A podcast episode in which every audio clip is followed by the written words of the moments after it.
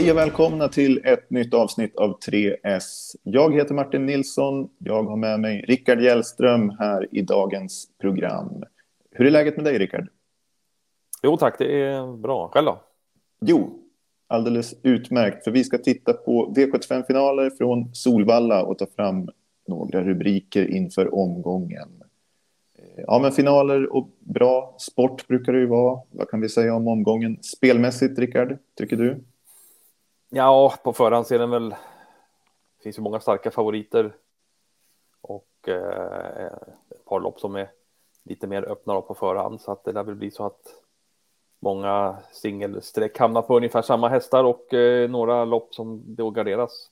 Så att det är väl. Eh, ja, det ser väl på förhand ut att kunna bli lite favoriter där, men ja, det gäller att jobba bort dem om man ska ha hög utdelning så att eh, får vi se hur upplägget blir. Men det finns ju några som sagt starka favoriter. Sportsligt är det ju alltid hög kvalitet när det är V75-finaler och Margareta-loppen då som går utanför V75. Plus ett, ett ligger på V75 som vi också ska ja, visst. prata om mm. lite mer där. Så att, eh, så att det blir ju ja, det är hög, hög och fin sportslig kvalitet på loppen i alla fall.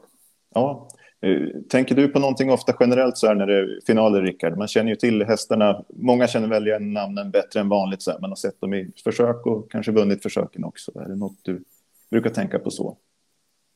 Eh, nej, inte. Ja, det är ju det är, det är lopp som lopp liksom så att säga. Så att man, man får ju gråta ner sig i loppen i alla fall så att säga. Så att det är väl inget. Inget speciellt så där som jag tänker på att det just är. Att det är en finalomgång eller inte, utan det är ju nya lopp och så vidare. Så att, eh, och förutsättningar och nya förutsättningar för hästarna. Då, så att det, det är att ta, ta till sig det liksom och se loppen på, på, på det sättet. Ja, men visst. Bra där. Och här i 3S, vi lyfter ju som vanligt fram tre rubriker. Det handlar om spiken, vi hittar ett skrällopp och även någonting att chasa. Och vi gör som vanligt, vi börjar med spiken.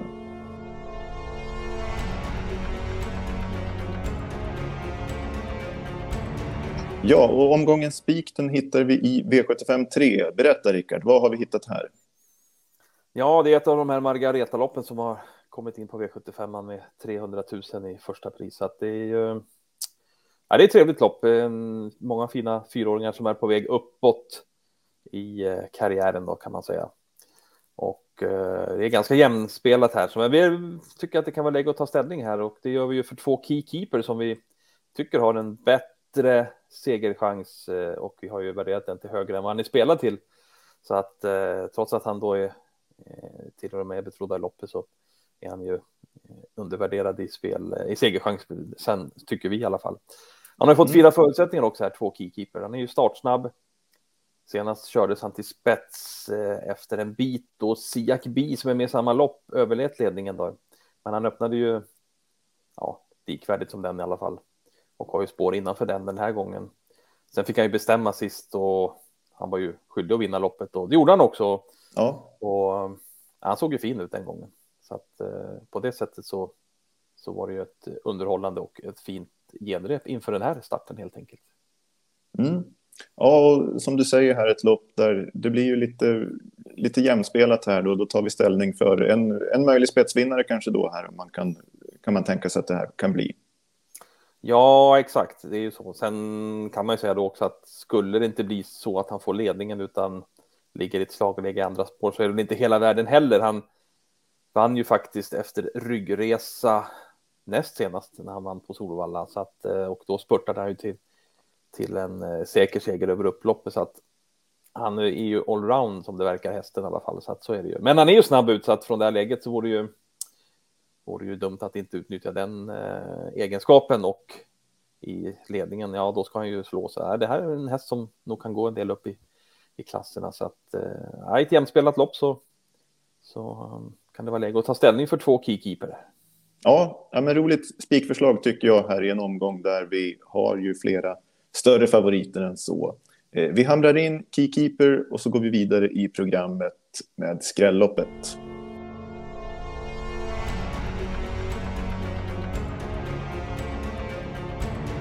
Och då ska vi titta på V75 4, final i diamantstoet här när vi pratar om skrälloppet. Rickard, hur ser du på den här uppgiften?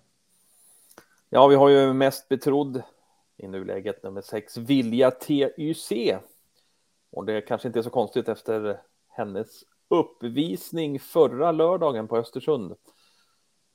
Då, eh, ja, då körde ju Daniel Wäjersten och eh, lyfte ut hästen ifrån eh, rygg på ledaren där 600 kvar och norska huvudlaget ryckte så det sa ju svung. Ja, en riktig smällkaramell där. Ja.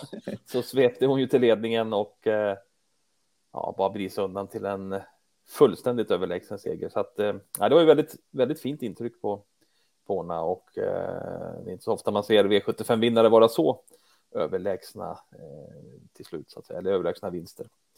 Så att eh, det är väl en klart att hon.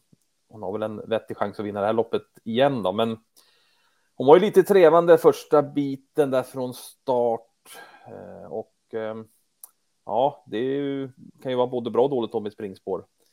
Ja, men visst. Mm. Så att det är ju inte helt. Ja, så vet man inte hur hon svarar på det där en gång till och så vidare. Så att, men visst har hon väl en vettig chans, men det är ändå. Mm, det finns ju några frågetecken där ändå som man vill ändå se en gång till kanske att de funkar. Ja, att... täta starter och lite andra förhållanden där var det ju Östersund också får man säga. Och... Ja, precis. Hon kanske var.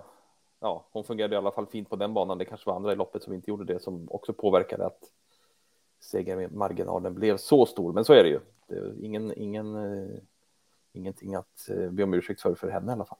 Nej, uh, här har vi hästar då på tre volter och ja, är det någon du vill lyfta fram där bakom som man kan ja, vara ett litet drag i loppet så? Ja, vi har ju en som också var väldigt överlägsen vid sin senaste seger som var på V75. Det var ju fyra Chantal Jett som ju faktiskt spetsade eh, direkt då och eh, körde sig ledningen och ja, sen så stack hon bara undan till en väldigt överlägsen seger hon med.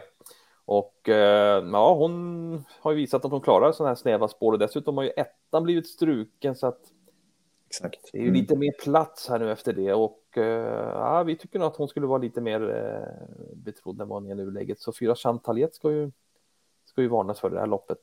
Vill man ha en riktig smällkaramell också så kan man ju nämna nummer 12 So Superb som ju faktiskt gick bra bakom Quarcia senast och man ska göra lite ändringar på henne till den här starten då. Det vankas både första norska huvudlaget och första ryckhuva. Och, ja, vi såg ju vad norskt huvudlag kunde göra på Vilja TUC senast. Så...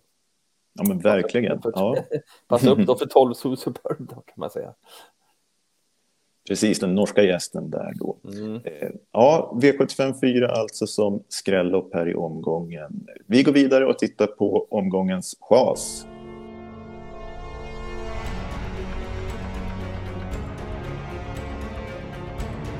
Och alltid här i 3S så lyfter vi fram ett chas i varje omgång. Vad vill du prata om här under den här rubriken, Rickard? Ja, vi, det var inte så lätt att hitta hårt betrodda hästar som var eh, för eh, översträckade sett till våran eh, vinstchansbedömning som vi hade gjort här och um, vi landade ändå till slut i V75 1.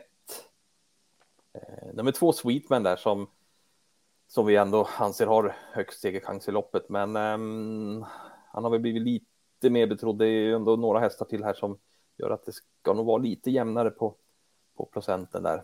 Ja. Eh, annars har ju Sweetman fått väldigt fina förutsättningar han med. Han är ju startsnabb och som alla vet i det här laget nu så är ju han en mycket bättre häst i ledningen än han går i ryggar och han har ju tagit alla sina segrar just från spets då. Och en sådan var ju sist på Mantorp då han får man säga, gjorde ett bra lopp ändå. Han hade ju en het racing ribbe på utsidan och yeah. ja, han lyckades ju ändå hålla undan för Four Guys Dream där, även om det blev väldigt eh, hårt i mål där och med tidigare lucka kanske Four Guys Dream hade hunnit förbi där då. Så att nej, men Sweetman har väl den som vi ändå eh, högst segerchans i loppet, men inte så mer eh, än de andra där så att det är ändå två väldigt fina spurtare som är med i loppet också, där både eh, fem Four Guys Dream och sex Eddie West kan ju avsluta något ruggigt om de får rätta resorna. Så att det är väl de två hetaste motbuden till Sweetman som och som ska sträckas i det här loppet naturligtvis. Ja, men verkligen. Så, ja, som du var inne på, många känner ju till Sweetman här och hur han biter ifrån sig i ledningen. Men rådet från oss är då ingen spik utan gardera hellre. Är det, är det så vi ska tolka det här? Exakt, du, eh, du förstår det rätt helt enkelt. Bra, jag är med på noterna här. Så. Ja, får vi se hur det går där i... Ja, det är silverfinalen där med många fina hästar. Eh, om vi ska sammanfatta vad vi har pratat om här då i dagens program. Eh, vårt spikförslag i V75 3, nummer 2, Keykeeper. Skrälloppet hittar vi i V75 4, diamantstorfinalen där. Eh, och chas V75 1, nummer 2, Sweetman, som vi tycker att man ska gardera som favorit där.